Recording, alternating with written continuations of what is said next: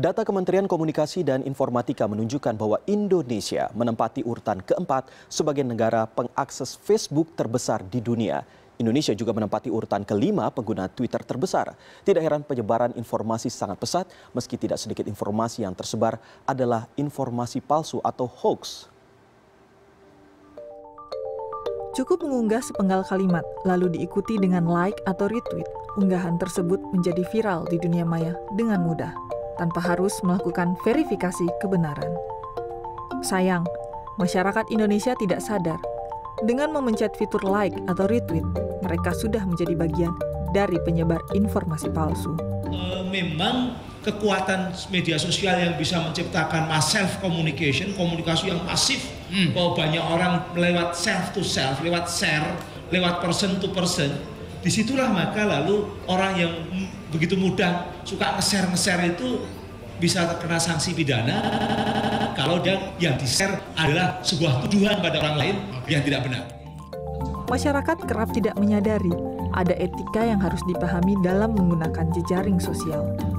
Kasus Buniani misalnya, unggahan pada laman Facebook pribadi tersebar hingga berujung pada unjuk rasa besar yang menuntut Basuki Cahayapurnama dihukum karena dianggap telah melakukan penistaan agama.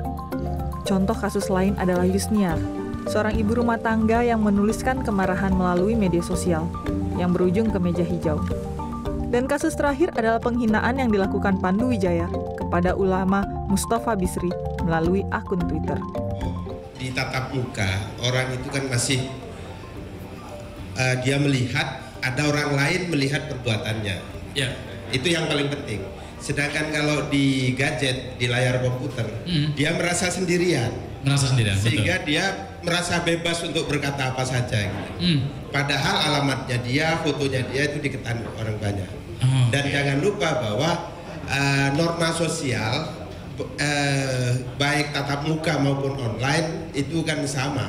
Hmm. Ya, jadi nilainya sama menghina orang dengan tatap muka atau menghina orang melalui online sosial, uh, sosial media itu kan sama sakit hatinya. Gitu. Oke. Okay, ya.